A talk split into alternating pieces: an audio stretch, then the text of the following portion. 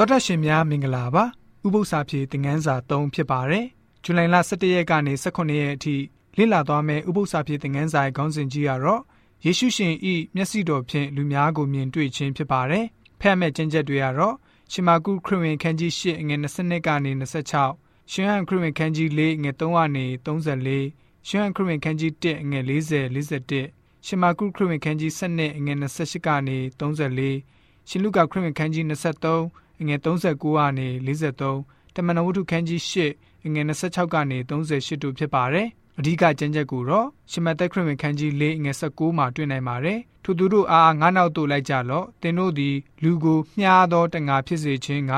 ငါပြုမည်ဟုအမိန့်တော်ရှိလေတော်ဖြစ်ပါတယ်ဝိညာဉ်အောင်မြင်သူအားလုံးရဲ့အရှင်သခင်ဟာယေရှုရှင်ပဲဖြစ်ပါတယ် လူအများနဲ့ယေရှုရှင်အမှုတော်ဆောင်ရွက်ခြင်းမှာကျွန်တော်တို့သတိပြုမိတာကတော့ယေရှုခရစ်အားဖြင့်ကယ်တင်ခြင်းအသိပညာရရှိဖို့ဘယ်လိုမျိုးလမ်းပြပေးဖို့ဆိုတဲ့အချက်ပဲဖြစ်ပါတယ်။ဖျားရှင်နဲ့တူလျှောက်လန်းတဲ့နေရာမှာယေရှုဟာ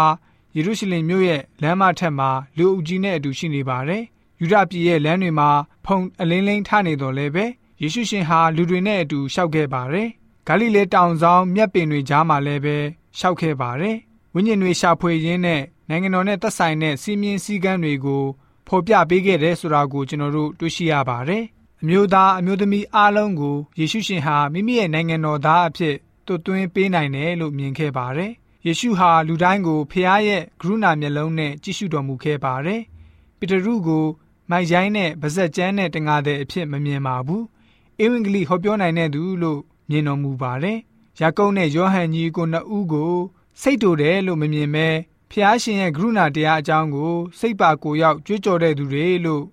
ယေရှုမြင်တော်မူခဲ့ပါတယ်။မဂဒလမာရိလိုအမျိုးသမီးမျိုးရှမာရိအမျိုးသမီးလိုမျိုးသွေးသွန်ဝေဒနာခံစားရတဲ့အမျိုးသမီးလိုအမျိုးသမီးတွေကိုယေရှုရှင်ဟာတနာခြင်းမေတ္တာနဲ့လက်ခံခဲ့ပါတယ်။တောမတ်ကိုယုံကြည်ခြင်းမရှိတဲ့သူ